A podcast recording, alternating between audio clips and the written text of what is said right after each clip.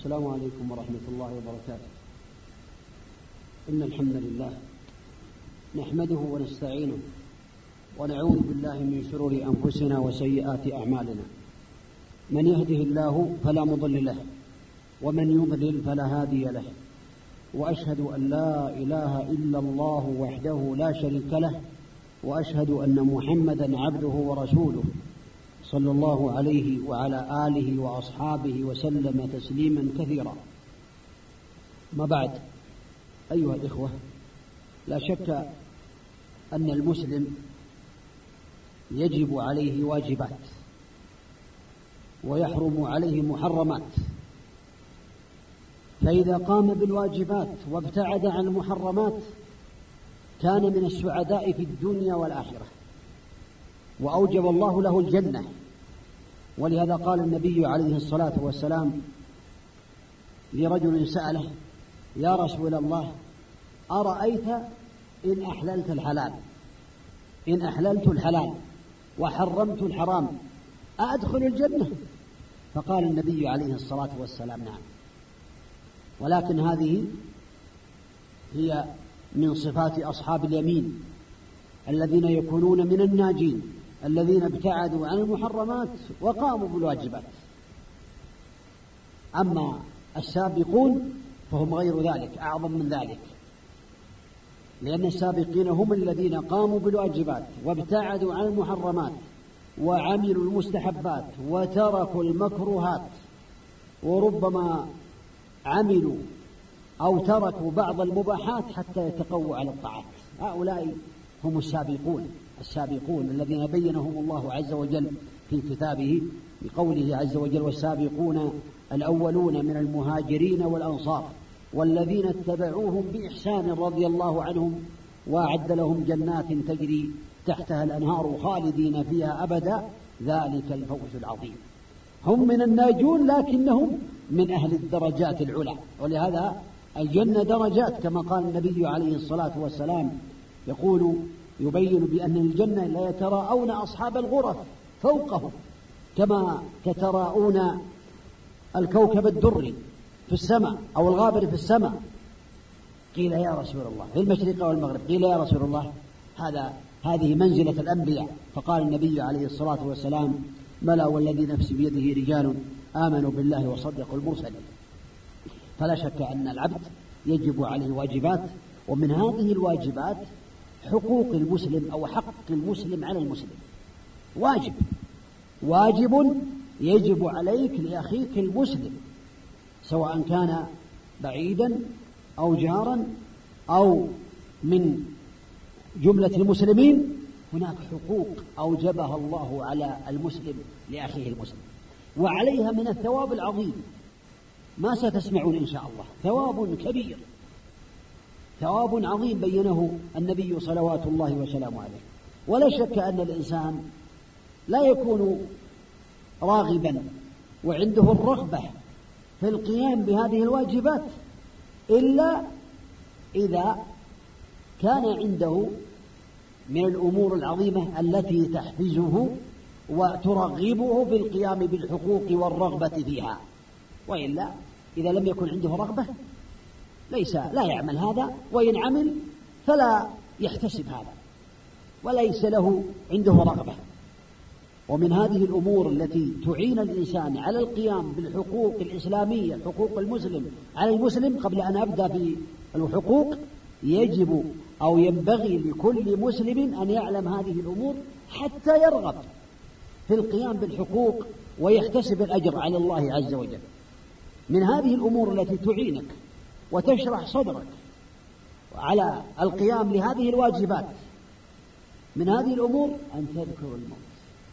ذكر هذا من لذات كما قال النبي عليه الصلاة والسلام.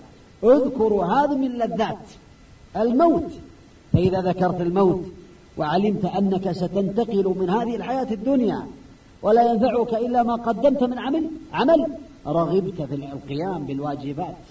لأنك تطمع في رضا رب الأرض والسماوات تطمع في رضاه تتقرب إليه لأنك تخشى أن يهجم عليك الموت بغتة. كما قال القائل الموت يأتي بغتة والقبر صندوق العمل.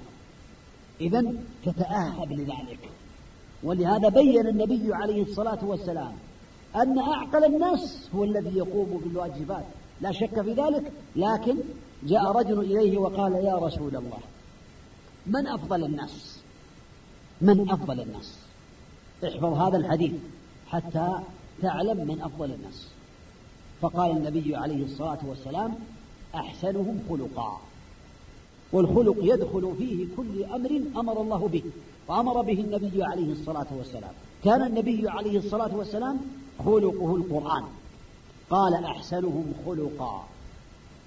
قال فأي الناس أكيس معنى أكيس أعقل. من هو أعقل الناس يا رسول الله؟ فقال النبي عليه الصلاة والسلام أكثرهم للموت ذكرا وأكثرهم لما بعده استعدادا أو أحسنهم لما بعده استعدادا. أولئك الأكياس يعني العقلاء. فإذا سئلت من أفضل الناس تقول أحسنهم خلقا. وإذا قيل لك من أعقل الناس فقل أكثرهم للموت ذكرا وأحسنهم لما بعده استعدادا أو كما قال النبي عليه الصلاة والسلام.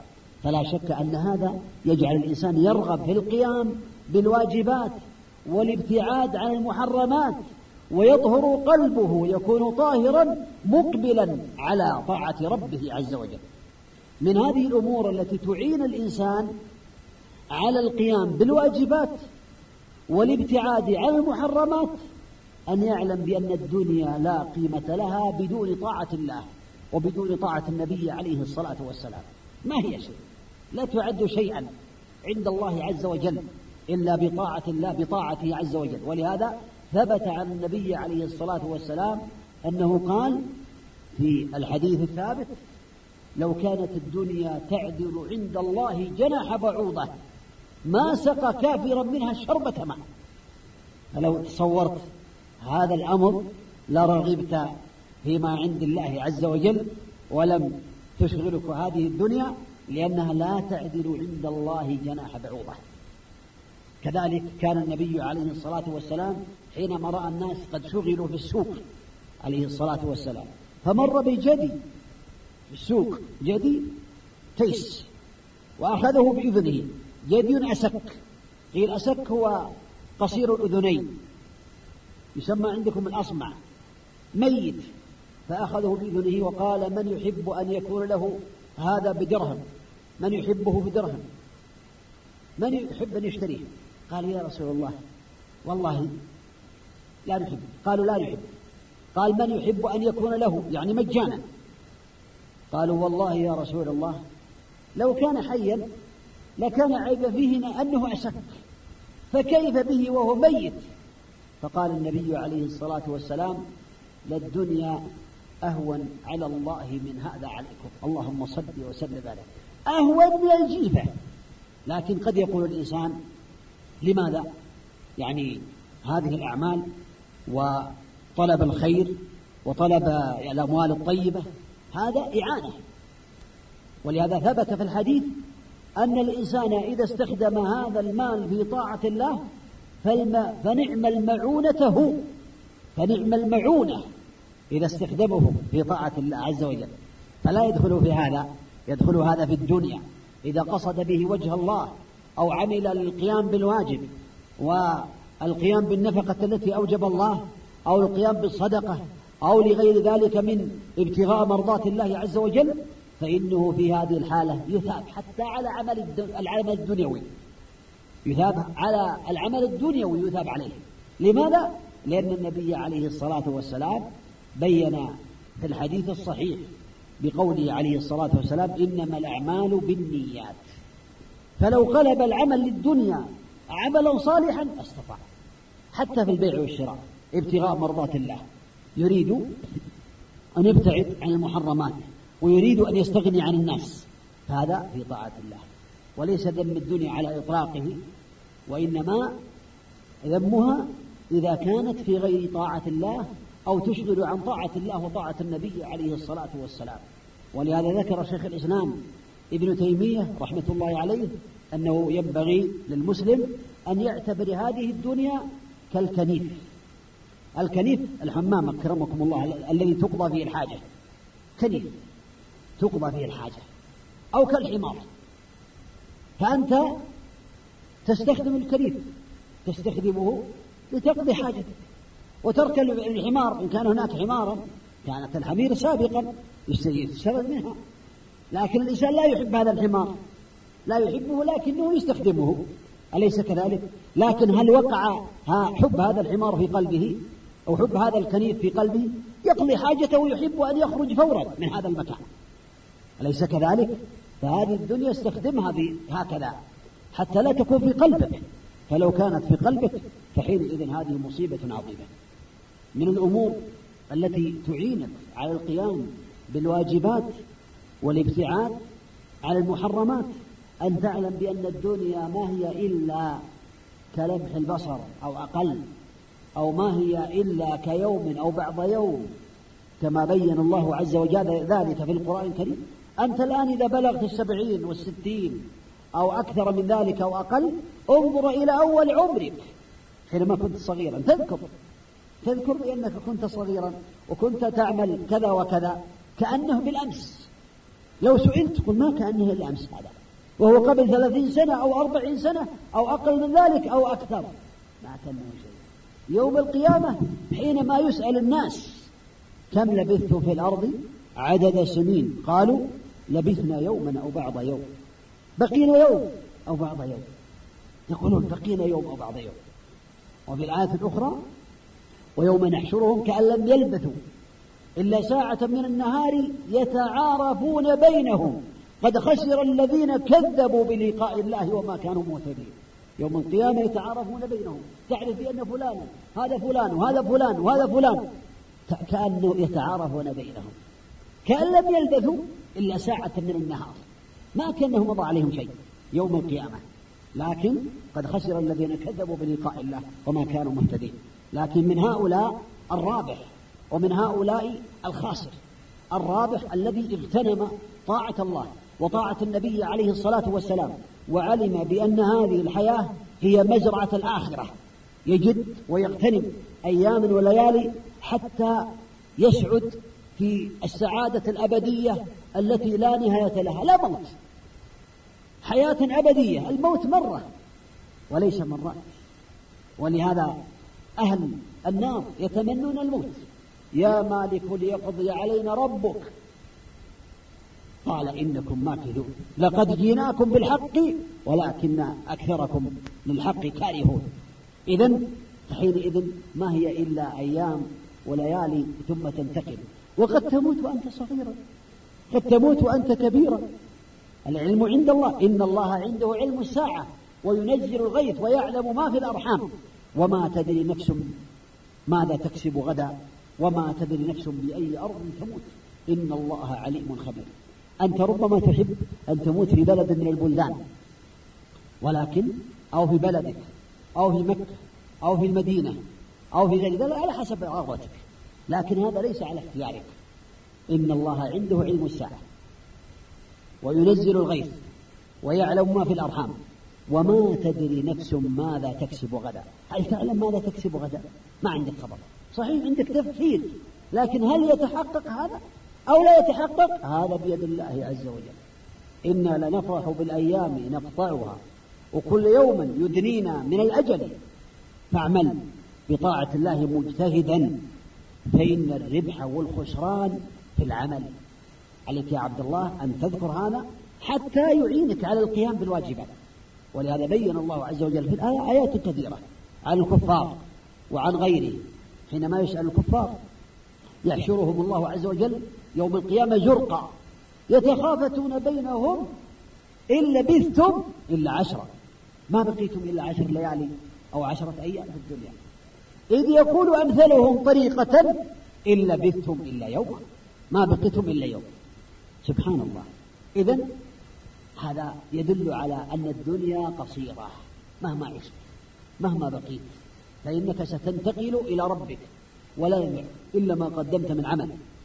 فاحسن رفيقك أحسن صديقك أحسن الرفيق الذي يلازمك في الدنيا والآخرة وفي القبر. قد سمعتم ربما سمعتم أن النبي عليه الصلاة والسلام بين بأن منكر ونكير حينما يسألان الميت في قبره فإذا أجاب وهم المؤمنين يقول ربي الله ودين الإسلام ونبي محمد صلى الله عليه وسلم. بعد ذلك يأتيه رجل طيب الريح رائحة حسن الثياب فيقول من أنت؟ ووجهك الذي يجيب يبشر بالخير.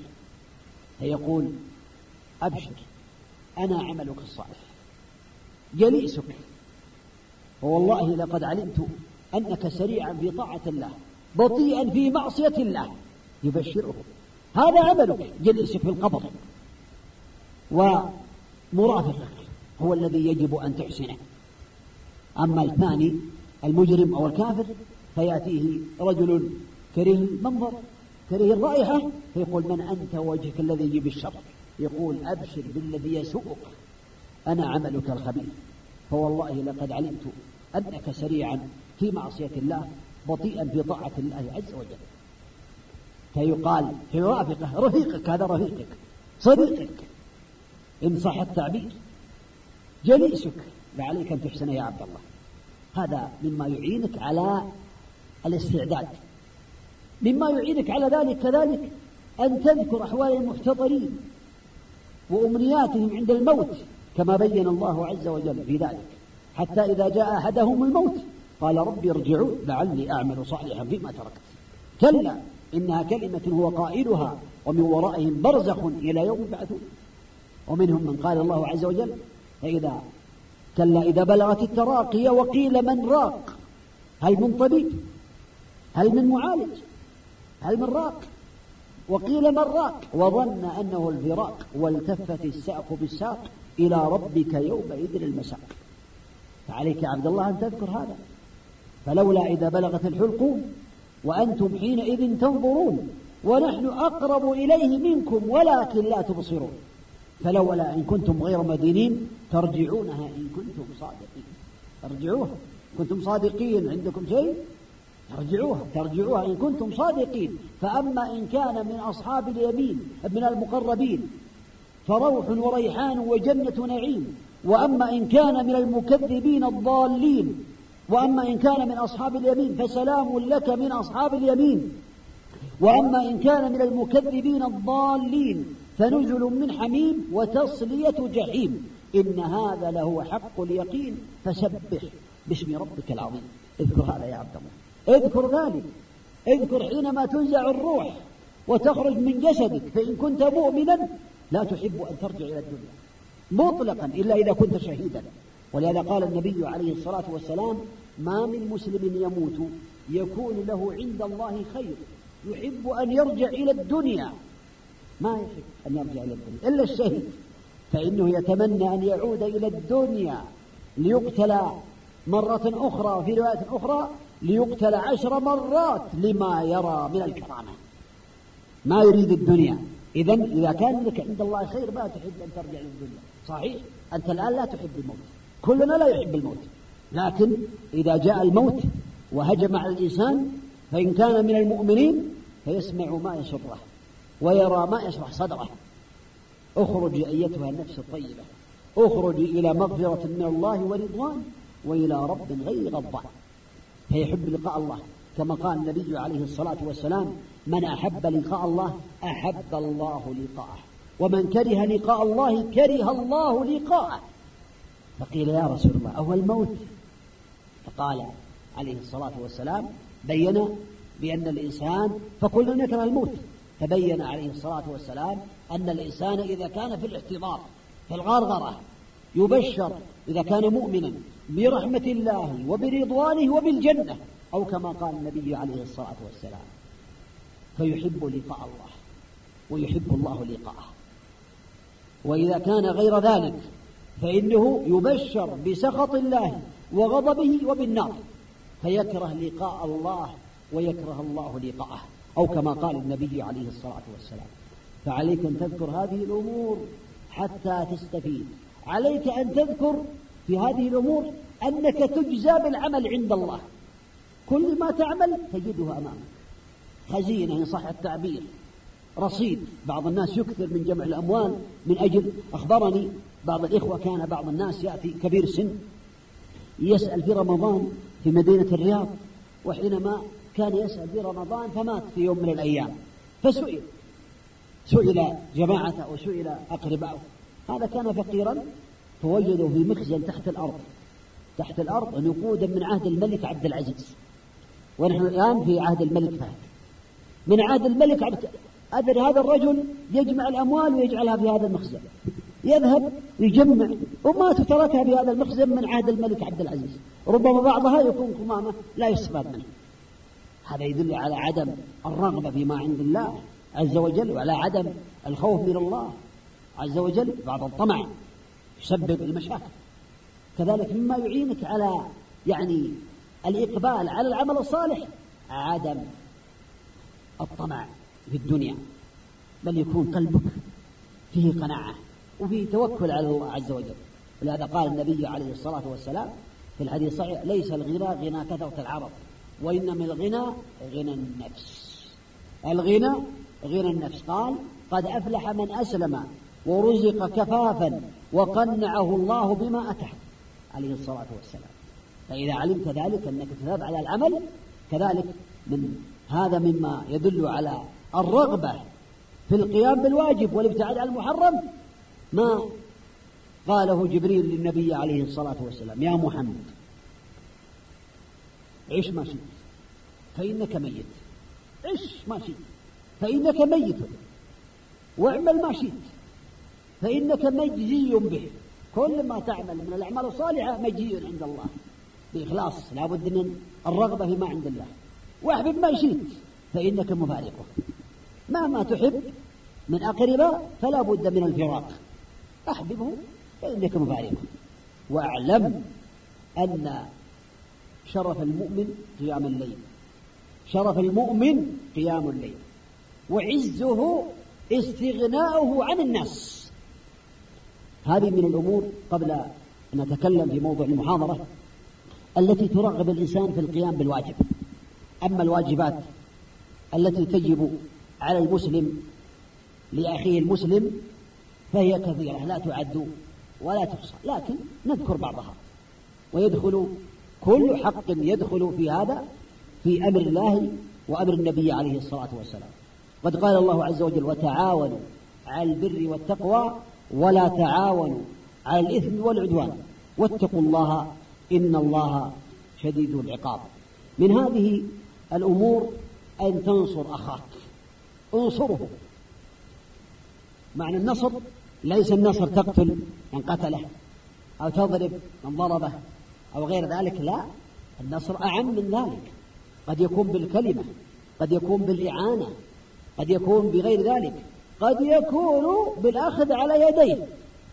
ورد عن الظلم ترى أنه ظالما فترد عن الظلم. ولهذا قال النبي عليه الصلاة والسلام انصر أخاك ظالما أو مظلوما. قال يا رسول الله هذا أنصره مظلوما. فكيف أنصره إذا كان ظالما؟ أو كما قال النبي عليه الصلاة والسلام فقال النبي عليه الصلاة والسلام تحجزه أو تمنعه من الظلم أو كما قال النبي عليه الصلاة والسلام. هذا نصر وقال النبي عليه الصلاة والسلام المؤمن للمؤمن كالبنيان يشد بعضه بعضا. البنيان تعرفون البنيان؟ حينما يبنى يشد بعضه بعضا وشبك بين أصابع عليه الصلاة والسلام. هذا يدل على أن المؤمن للمؤمن يعينه ويساعده فيما يحبه الله ويرضاه. ومثل النبي عليه الصلاة والسلام المؤمن والمؤمن كالجسد الواحد. مثل المؤمنين في توادهم وتراحمهم وتعاطفهم كمثل الجسد الواحد. الجسد إذا اشتكى منه عضو تداعى له سائر الجسد بالسهر والحمى. تصور لو كان قطعت اصبعك لا قدر الله. أو رجلك أو يدك. هل تنام عيناك لماذا تسهر العين والألم في, في اليد أو في الأذن أو في الأنف أو في الرجل. لماذا؟ أو في البطن؟ العين. لماذا تسهر؟ تتألم مثل المؤمنين في تواده توادهم وتراحمهم. كمثل الجسد. إذا اشتكى منه عضو تداعى له سائر الجسد بالسهر. فأنت كذلك. إن رأيت أخاك قد أصيب بمرض أو قد أصيب بفقر أو قد يصيب بشيء فعليك أن ترحمه. تتألم له وتدعو له وتحسن إليه إن استطعت. كما بين النبي عليه الصلاة والسلام هذه من صلاة المؤمنين أنهم يعملون هذا العمل. من الحقوق التي بينها النبي عليه الصلاة والسلام على المسلم ستة حقوق. حق المسلم على المسلم. ست إذا لقيته فسلم عليه. قل السلام عليكم ورحمة الله. وبركاته. حق عليك أن تسلم عليه. هذا حق عليك. بينه النبي عليه الصلاة والسلام. كثير من الناس لا يسلم على أخيه المسلم. وإنما لا يسلم إلا على من يعرف. أما الذي لا يعرفه لا يسلم انظر في الأسواق أو عند الإشارات إذا كنت ذهبت إلى الإشارات أو إلى الأماكن. تنظر الإنسان يمر على الإنسان إذا ما لا يعرفه لا يسلم عليه. ينظر إليه ماشي في طريقه. الله. لا يقول السلام عليكم. إلا إذا عرفه إذا عرفه تبسم في وجهه السلام عليكم ورحمة الله وبركاته. طيب هذا اللي ما سلمت عليه جنبه لماذا؟ هذا حق عليك. إذا لقيته فسلم عليه. لأنك لا تعرف الفضل في هذا. لو, لو أنك إذا قلت السلام عليكم ورحمة الله وبركاته حصلت على ثلاثين ريال. إذا قلت السلام عليكم ورحمة الله عشرين. لو قلت السلام عليكم عشر ريال. ما شاء الله. إذا يذهب الإنسان ويسلم على الناس ثم يذهب إلى السوق ويشتري ما يريد من الأموال. وتجد السلام عليكم ورحمة الله وبركاته. السلام ولا يترك منها شيئا. لماذا؟ يريد النقود والنبي عليه الصلاة والسلام قد بين أن الرجل إذا قال السلام عليكم سلم رجل السلام عليكم قال عشر والثاني قال ورحمة الله قال عشرون. قال الثالث ورحمة الله وبركاته قال ثلاثون. أي حسنة ثلاثون حسنة لك. ليست ثلاثين ريال. وهذه ثلاثين حسنة لا تفنى ولا تصرف. ولا يسدد بها الكهرباء أو تصرف في أشياء وتذهب وتضيع عليك بدون فائدة. لا تبقى لك عند الله. تجدها في موازين حسناتك. حينما تلقى ربك فعليك أن تعلم بأن هذا حق عليك لأخيك. وإذا دعاك فأجبه. دعوة. يدعاك لوليمة لتأكل عنده طعاما فأجبه. ما لم يمنعك مانع. قد يكون عندك مانع. فلا تجبه. إذا كان الإنسان يعني عنده محرمات في بيته ولا ودعاك فيحيد لا تجبه. إلا إذا أمرته نهيته عن المنكر. إذا كان عنده منكر كان كمن يشرب الدخان في المجالس في الولائم أو من يكون في بيته صور أو يعني آه، أمور محرمة تحصل في الوليمة كالغنى وغيره فلا هذا من موانع الإجابة. ولكن إذا استطعت أن تنكر تحضر وتنكر. وإذا استنصحك فانصح له. انصح له. انصحه. وجهه إلى الخير. أخلص معه. والنصح هو التصفية تكون مخلصا معه في كل شيء في الكلام وفي النصيحة وفي المعاملة وفي البيع وفي الشر. تكون ناصحا له. وكذلك إذا عطس فحمد الله فشمته. بعض الناس يعطس فلا يقول أحد يرحمك الله. بل هو لا يقول الحمد لله. ولهذا بين النبي عليه الصلاة والسلام أن المسلم إذا عطس فقال الحمد لله كان حقا على كل مسلم سمعه أن يقول يرحمك الله. هذا يدل على العموم. بعض العلم يقول بأنه إذا كان المجلس كبيرا وقال عطس وقال الحمد لله فحينئذ يكفي واحد. ولكن الحديث عمم. قال كان حقا على كل مسلما مسلم سمعه أن يقول يرحمك الله وهو يقول يهديكم الله ويصلح بالكم. بعض الناس تقول يرحمك الله إذا عطس يقول يهدينا يهديكم الله. لا السنة أن تقول يهديكم الله ويصلح بالكم كما بين النبي عليه الصلاة والسلام. وإذا مرض فعده إذا مرض فعده. العيادة. معنى العيادة الزيارة للمريض. وهذا قيل عيادة والله أعلم الفرق بينه وبين الزيارة الزيارة للحي والعيادة للمريض. وكأنه قيل عيادة لأنها تعود لأنه ينبغي للمسلم أن يعود أخاه المريض مرة بعد مرة في الأوقات المناسبة التي يرى بأنها تدخل السرور عليه ويدعو له. هذا حق ذلك. أما إذا مرض فلم تعده فقد تركت حقه. الذي أحقه النبي عليه الصلاة والسلام وأوجبه عليه. قال وإذا مات فاتبع جنازته. إذا مات فاتبع جنازته. شيعه إلى المقبرة أو إلى المسجد صلي عليه. ولهذا النبي عليه الصلاة والسلام أعطاك أجرا في الصلاة على الميت. ونفع الميت بصلاتك إن كان من المسلمين. ولهذا قال النبي عليه الصلاة والسلام من صلى عليه أربعون لا يشركون بالله شيئا أو كما قال عليه الصلاة والسلام إلا شفعهم الله فيه هذا فضل الفضل له لكن لك أنت قال عليه الصلاة والسلام بين بأن من صلى على الجنازة فله قراط. ومن تبعها حتى تدفن فله قراطان. فسئل عن القراط قال مثل الجبلين العظيمين أو قال عليه الصلاة والسلام كل قراط مثل جبل أحد. جبل في المدينة عظيم. الله أكبر. جبل عظيم. ولهذا سمع ابن عمر هذا الحديث من أبي هريرة فصار يأخذ الحصى ويرمي به ويقول لقد فرطنا في في قراريط كثيرة يعني فاتنا قراريط كثيرة هذا يدل على العناية عناية المسلم بالزيارة. ولك فضل وأجر على زيارة الميت.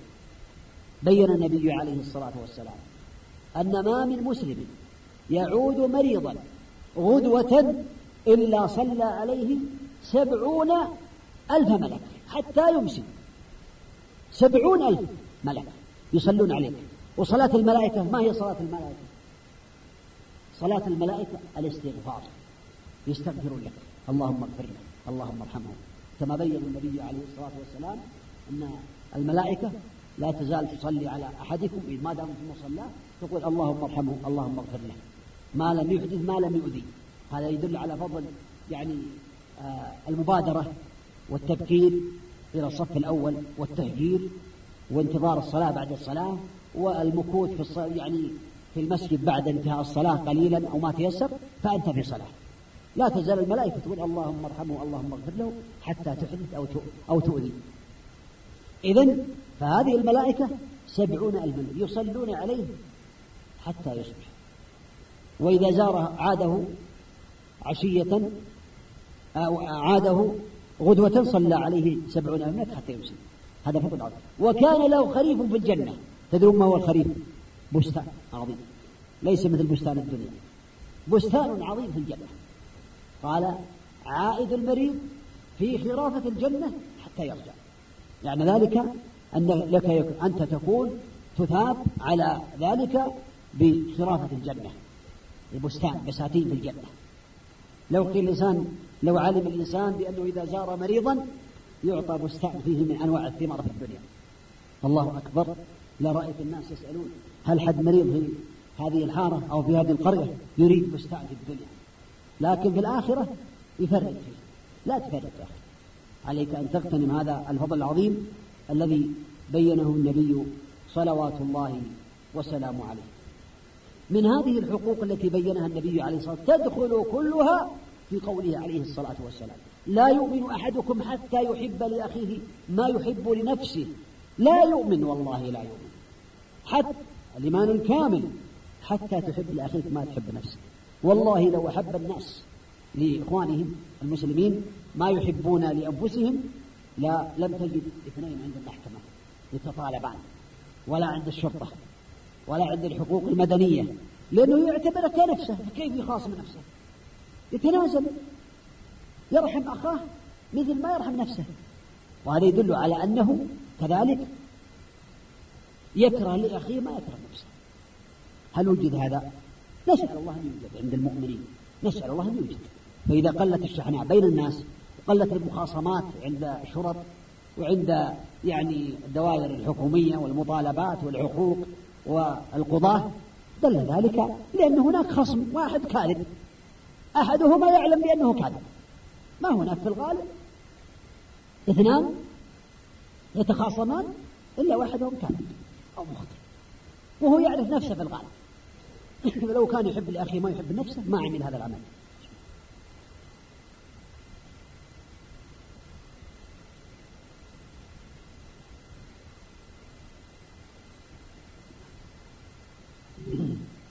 كذلك من الحقوق التي بينها النبي عليه الصلاة والسلام بقوله لا تحاسدوا.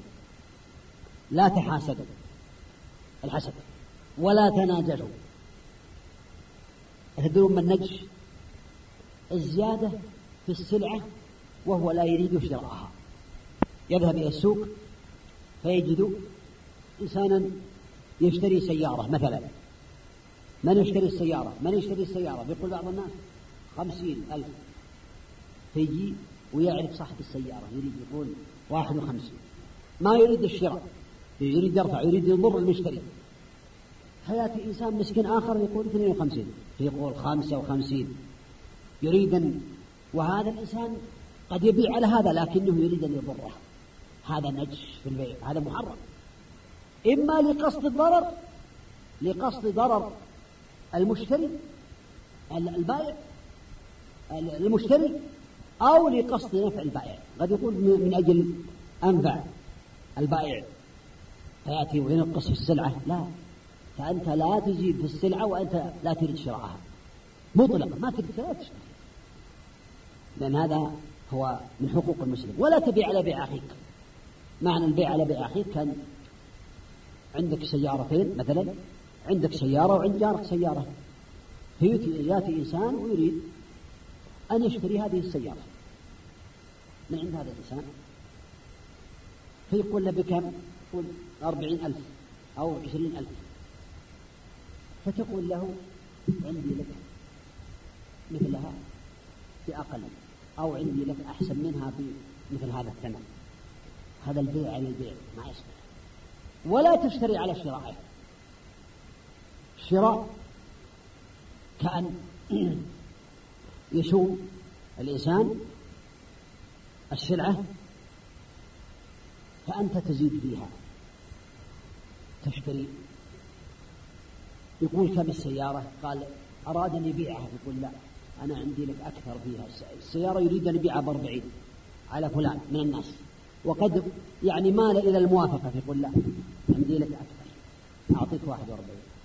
إلا إذا كانت المزايدة قائمة. من يزيد؟ من يزيد؟ من هذا لا بأس. أن تزيد لكن إذا مال ووافق لا لا يجوز لك. رأيت باع. انتهى تقول لا عندي لك زيادة 100 أو زيادة لا ما يصلح أنت بعت اشتريت على شراء أخيك فقد يعني هضمته حقه. قال لا تحاسدوا ولا تناجشوا ولا تدابروا. المدابرة الغيبة يتكلم في عرضة وهو غائب. ولا تدابروا من الدبر يعني. ولا تدابروا. أمر من النبي عليه الصلاة والسلام. المسلم أخو المسلم لا يظلمه ولا يحقره ولا يخذله. التقوى ها هنا ويشير إلى صدره ثلاث مرات. بحسب امرئ من الشر أن يحقر أخاه المسلم. يكفيه من الشر. احتقار أخيه المسلم. كل المسلم على المسلم حرام. دمه وماله وعرضه حرام عليك. ماله. تأخذ ماله. عن طريق السرقة أو عن طريق الغش أو عن طريق التدريس أو على أي طريق. ماله. وعرضة. غيبة لا تغتابه ودمه كذلك. فحينئذ عليك أن تعلم بأن هذا من الحقوق التي لك على أخيك عليك.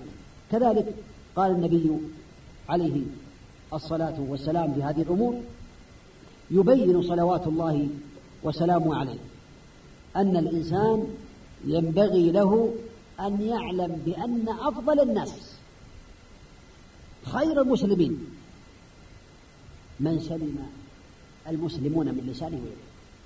كما قال النبي عليه الصلاة والسلام رجل قال يا رسول الله يبين من هو خير الإسلام. خير المسلم. فقال النبي عليه الصلاة والسلام أي الإسلام؟ قال أي الإسلام خير؟ يقول هذا الرجل. يا رسول الله أي الإسلام خير؟ قال من سلم المسلمون من لسانه ويده. فإذا قد سلم المسلمون من لسانك ويدك فاعلم بأنك خير الناس. وهل هناك أحد؟ يعني هل هناك أحد؟ سلم المسلمون من لسانه ويده. لا غيبة لا نميمة لا كذب لا أي عمل ويده. هل هناك أحد؟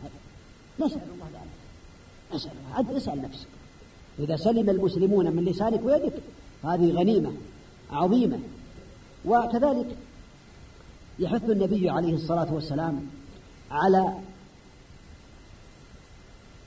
الحقوق يبين فضلها عليه الصلاة والسلام كما تقدم في فضل السلام.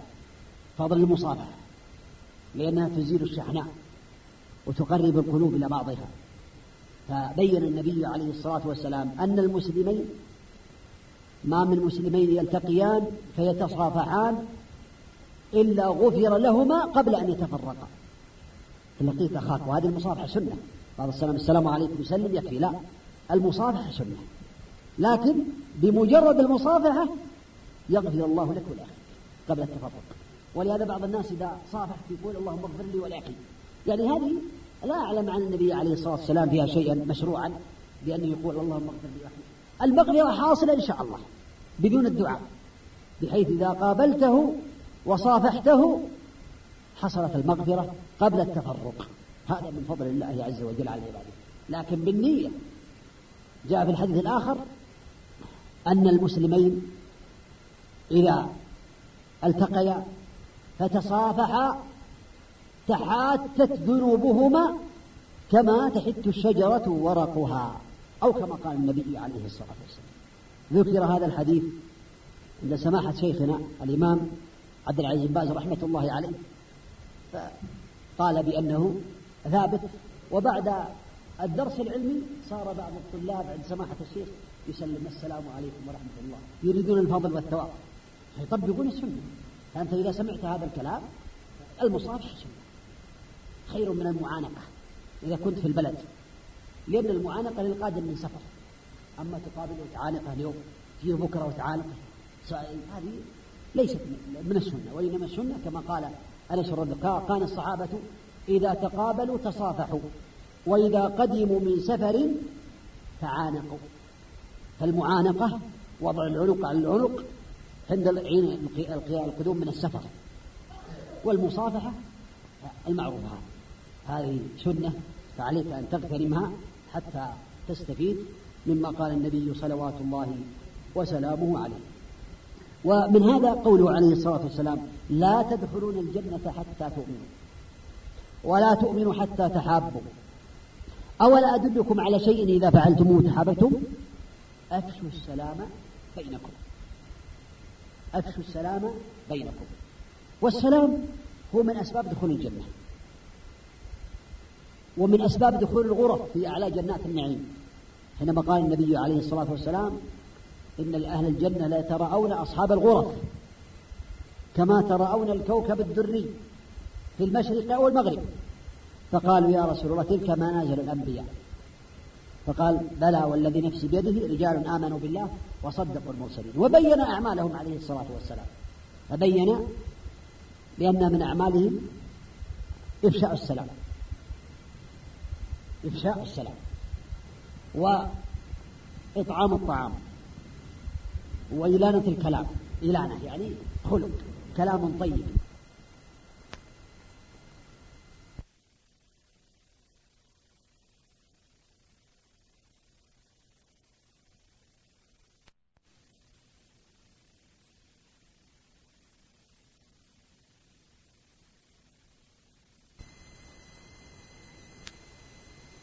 الصيام المشروع هذا فضل عظيم إذا من أسباب دخول الجنة هو إفشاء السلام على المؤمنين.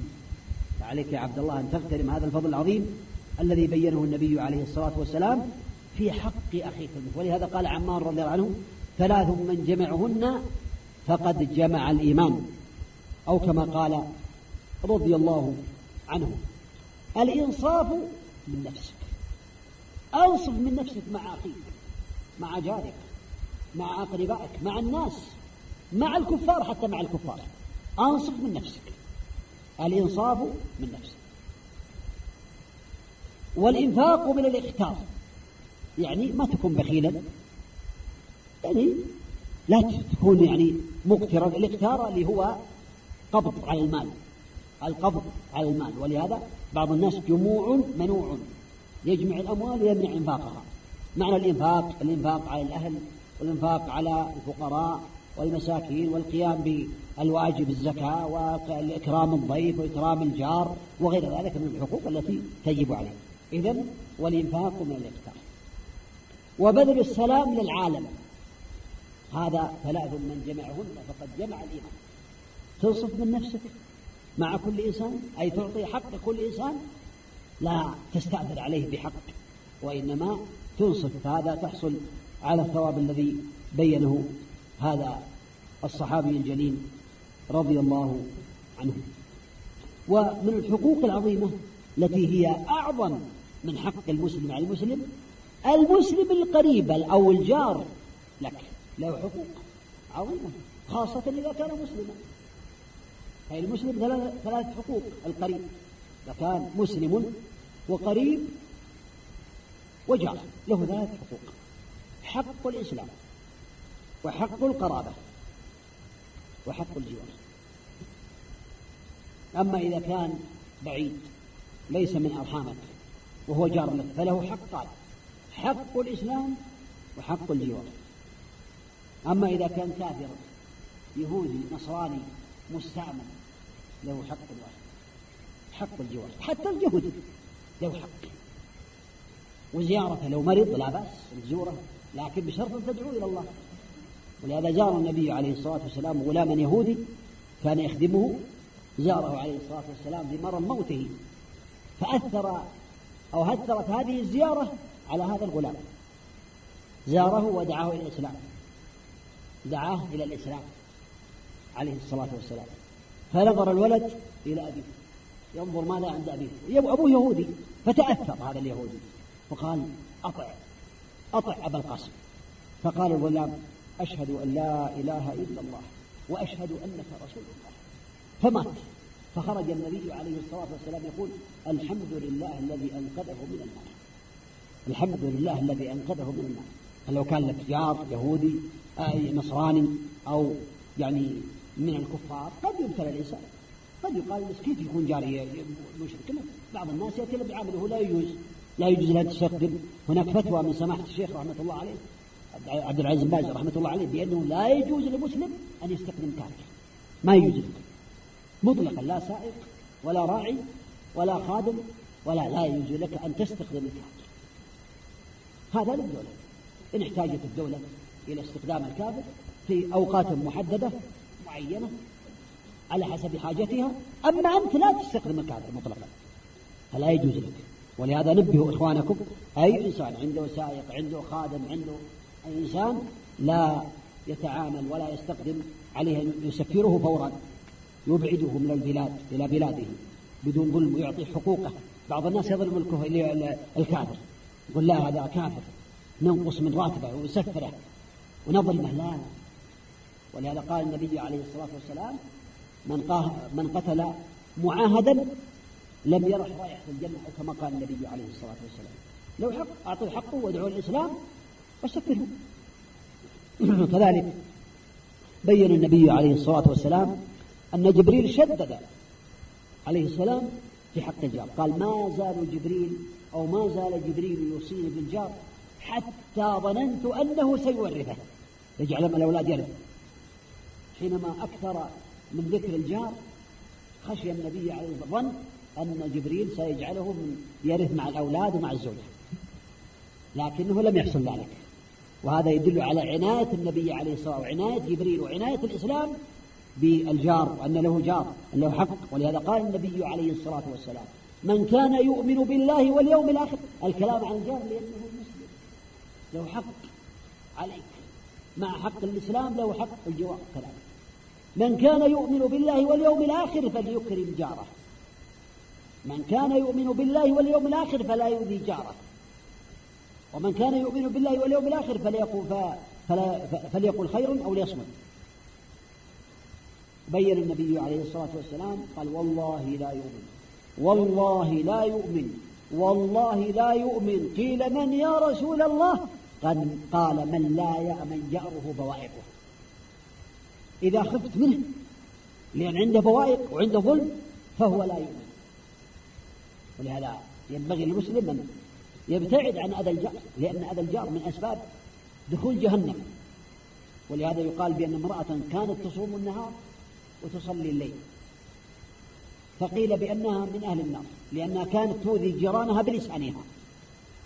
فعليك يا عبد الله لا تؤذي جارك لا بلسانك ولا ب حتى حتى النبي عليه الصلاة والسلام على إكرام الجار ولو بالشيء يسير.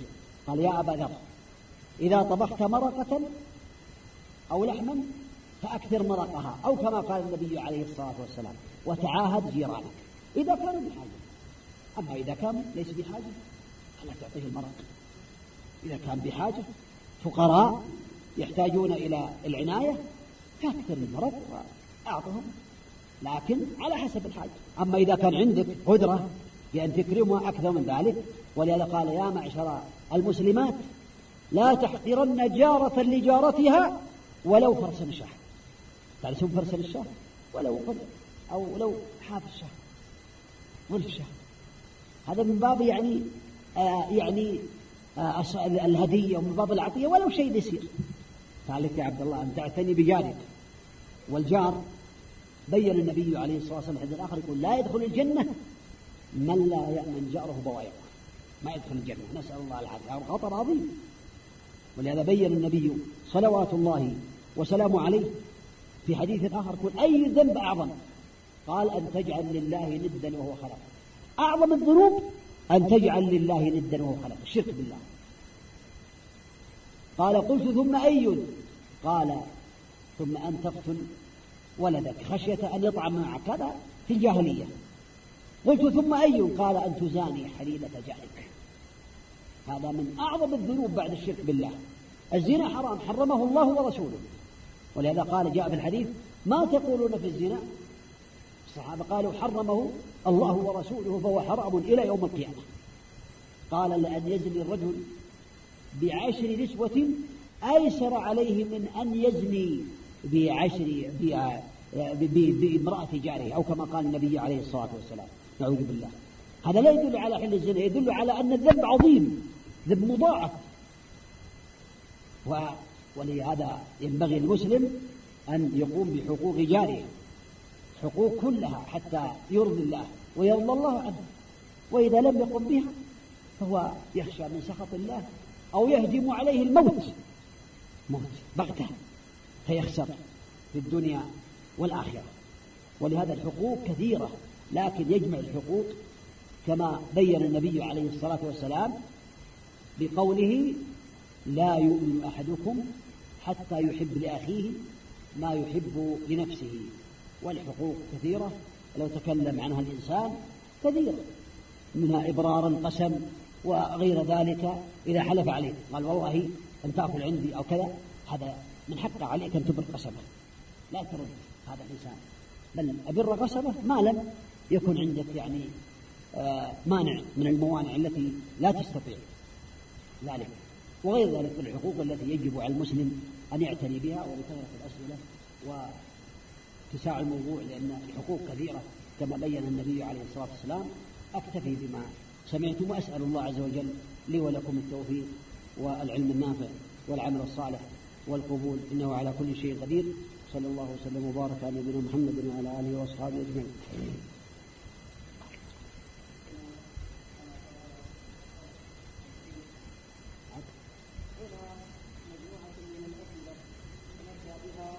نعم. نعم. يقول أنا أذهب إلى الخميس وبعد ذلك صلاة الظهر مع صلاة العصر وهي أكثر من ثلاث سنوات فهل ذلك يجوز لي أم لا؟ أعد أعد السؤال نعم. أعد السؤال نعم. سائل يسأل يقول أنا أذهب إلى الخميس نعم. وبعد ذلك تحضرني صلاة الظهر. فأتركها حتى أصليها مع صلاة العصر. ولي على ذلك العمل أكثر من ثلاث سنوات. فهل ذلك جائز أم لا؟ إذا كنت مسافر فلك أن تصلي صلاة الظهر مع العصر قصرا. جمعا كذلك. أما إن لم تكن مسافر واتصل البنيان من طريق إلى خميس مشيطة تصلي في البنيان ولا يكون هناك سفر أو يكون في العرف عند الناس بحيث لو سئل عنك أين ذهب فلان؟ قال ذهب الخميس ويأتي بعد ساعة. هذا يقال مسافر ولا يقال؟ لا ما يقال لا مسافر. مسافر في العرف عند الناس بأنه مسافر. أين ذهب فلان؟ والسفر هو الذي يأخذ الإنسان معه آه يعني الطعام والشراب ويستعد لذلك. أو سفر يعني يطلق عليه سفر عند الناس. فعمل هذا الظاهر أنه لا يجوز لأنك لا تعد مسافرا من هذا المكان إلى يعني خميس مشيط لأن هذا عند الناس لو سألت فلان أين ذهب فلان؟ هل يقول سافر؟ سافر حفظه الله إلى خميس مشيط ولا نقول ذهب الخميس ويأتي إن شاء الله بعد نصف ساعة. ها؟ أو بعد ساعة. في العرف أن هذا ليس بسفر. نعم. فلا يجوز لك على هذا وعليك التوبة تتوب إلى الله وتستغفر لذنبك. نعم.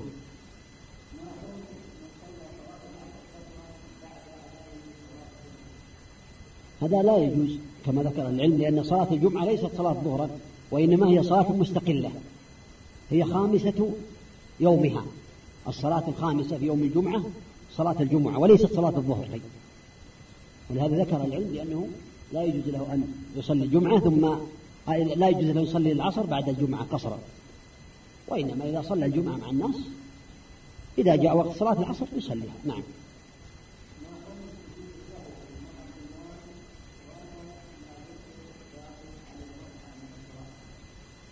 هذا إذا سجد الإمام بعد الصلاة بعد السلام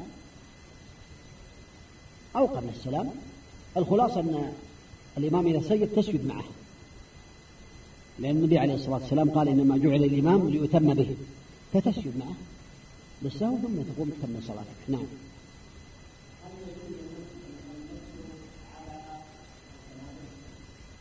إذا كانت تستر الكعبين وثابتة بنفسها وقد لبست على طهارة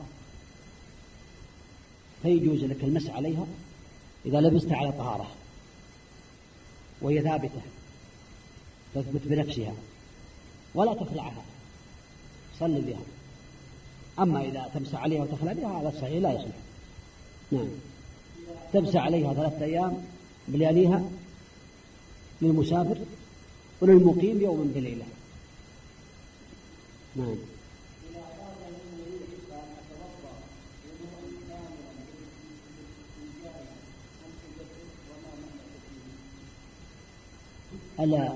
نواقض الوضوء إذا خرج الإنسان ناقض من نواقض الوضوء فهو إن كان خارج الخارج من السبيلين رطبا كالبول أو الغائط. هذا يستنجي منه. أما إذا أكل لحم جمل لو أكلت لحم جمل جزور ثم ذهبت توضأ تستنجي. هل يستنجي الاسم؟ ما يستنجي منه. يتوضأ. وضوءا يبدأ يقول بسم الله ويغسل يديه ويتمضمض ويستنشق. لو مسك فرجه أفضى بيده إلى فرجه بدون حائل لا يستنجي وإنما يتوضأ. حصل النقض بالوضوء لكنه لا يستنجي. أما الريح كذلك الريح لو خرجت ريح لا يستنجي منها. انتقض الوضوء ولا يقبل الله صلاة لو صلى حتى يتوضأ لكنه لا يستنجي. الاستنجاء يكون من الخارج البول أو الغائط. وليس من شرط أن يكون الاستنجاء قبل الوضوء مع الوضوء. لا. قد تقضي حاجتك الساعة السابعة صباحا ولم تكن من أصحاب صلاة الضحى ما توضأت. فقضأت حاجتك ثم استنجأت. ثم لم تتوضأ وجاءت صلاة الظهر ماذا تعمل؟ تستنجي مرة. لا. تتوضأ لأنك على استنجاء. لأنك على استنجاء نعم.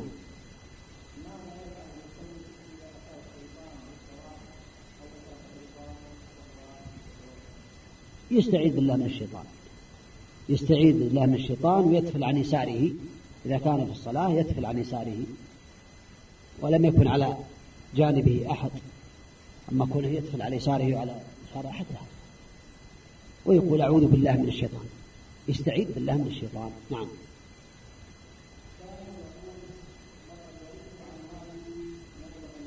أعود السؤال الأول. السؤال الأول شو؟ أعد في الوضوء في في الصلاة في الوضوء تقول أعوذ بالله من الشيطان ولا تزيد على ثلاثة. تتوضأ ثلاثا ثلاثا. ولا تزيد لأن من زاد على الثالثة فقد أساء وتعدى وظلم نعم.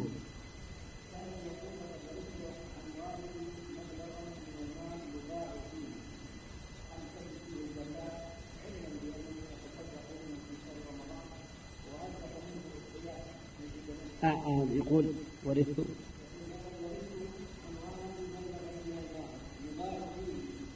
يباع يباع. نعم.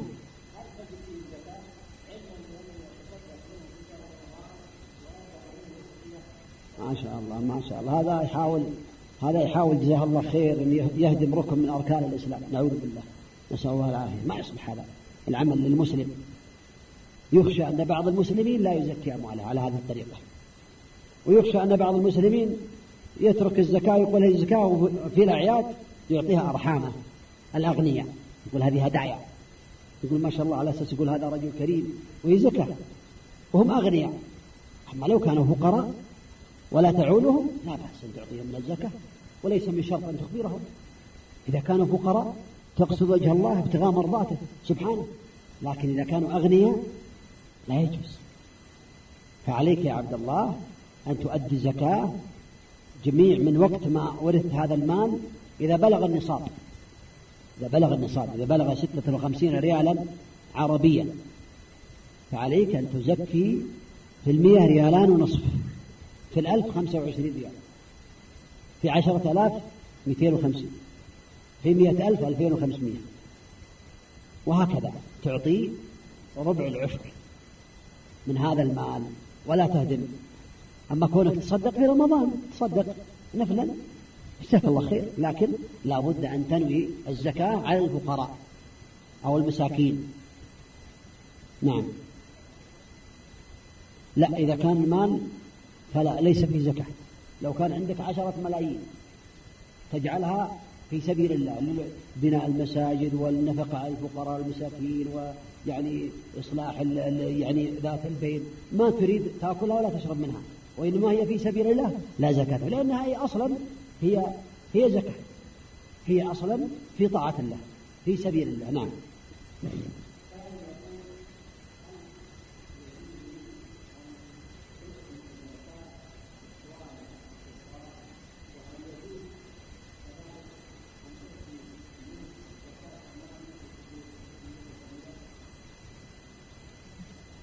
أما إذا كان إخوانك لا تنفق عليهم. مستقلين. لا تلزمك نفقتهم شرعا. فتعطيهم من الزكاة بشرط أن يكونوا فقراء. ما عندهم شيء. أما إذا كانوا أغنياء فلا. أو كنت تصرف عليهم في بيتك ملزم بنفقتهم في بيتك فلا لا تعطيهم. والأقرباء يجوز أن تعطيهم من الزكاة إن لم يكن الأصل أو الفرع. فلو كان أبوك أو جدك أو جد جدك أمك وجدك جد جدك ابنك وبنتك وابن ابنك وابن بنتك وبنت بنتك وهكذا لا يجوز. الفرع ولا الأصل لأن هذا تلزم نفقته إذا كان فقيرا. أما الحواشي يعني الأعمام والعمات والأخوال والخالات وأبناء الأعمام وأبناء العمات إذا كانوا فقراء ولا تلزمك نفقتهم بحيث كنت تنفق عليهم. تعطيهم من الزكاة إذا كانوا من أهلها. نعم.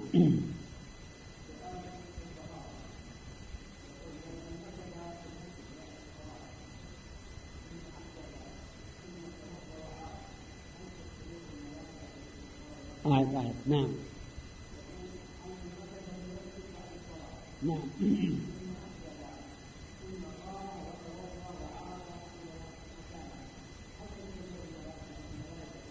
يرجى له نعم إن شاء الله لأنه رجع.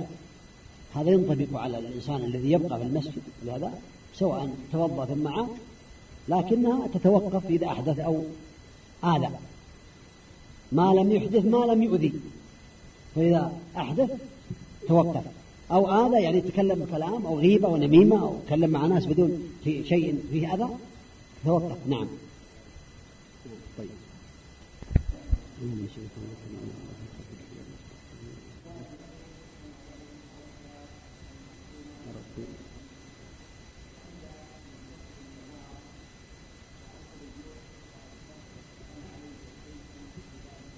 ليس عليك شيء لأن المتطوع أمير نفسه.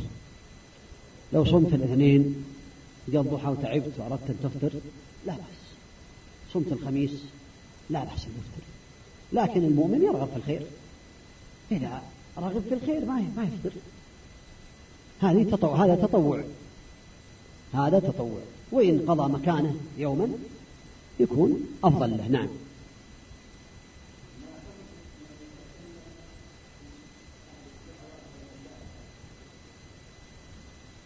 هذا تكلم فيهم لا يجوز أن يتكلم في الناس العاديين فكيف إذا تكلم في الناس الذين يدعون إلى الله عز وجل؟ هذا أعظم أعظم من غيبة الإنسان العادي لأنه جمع بين الاثنين جمع بين الغيبة وجمع بين تنفير الناس من هذا الداعية أو من هذا المعلم للناس الخير.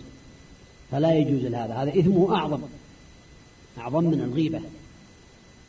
فعليه أن يتوب إلى الله عز وجل ويستغفر ربه. والعلماء طلاب العلم لحومهم مسمومة. هذا ذكر ابن عساكر رحمة الله عليه يقول أن لحوم العلماء مسمومة وعادة الله في منتقصيهم معلومة. ومن أطلق لسانه في ذلب العلماء ابتلأه الله بموت القلب قبل أن يموت وكما قال رحمه الله تعالى. فعليه أن يتوب إلى الله. نعم.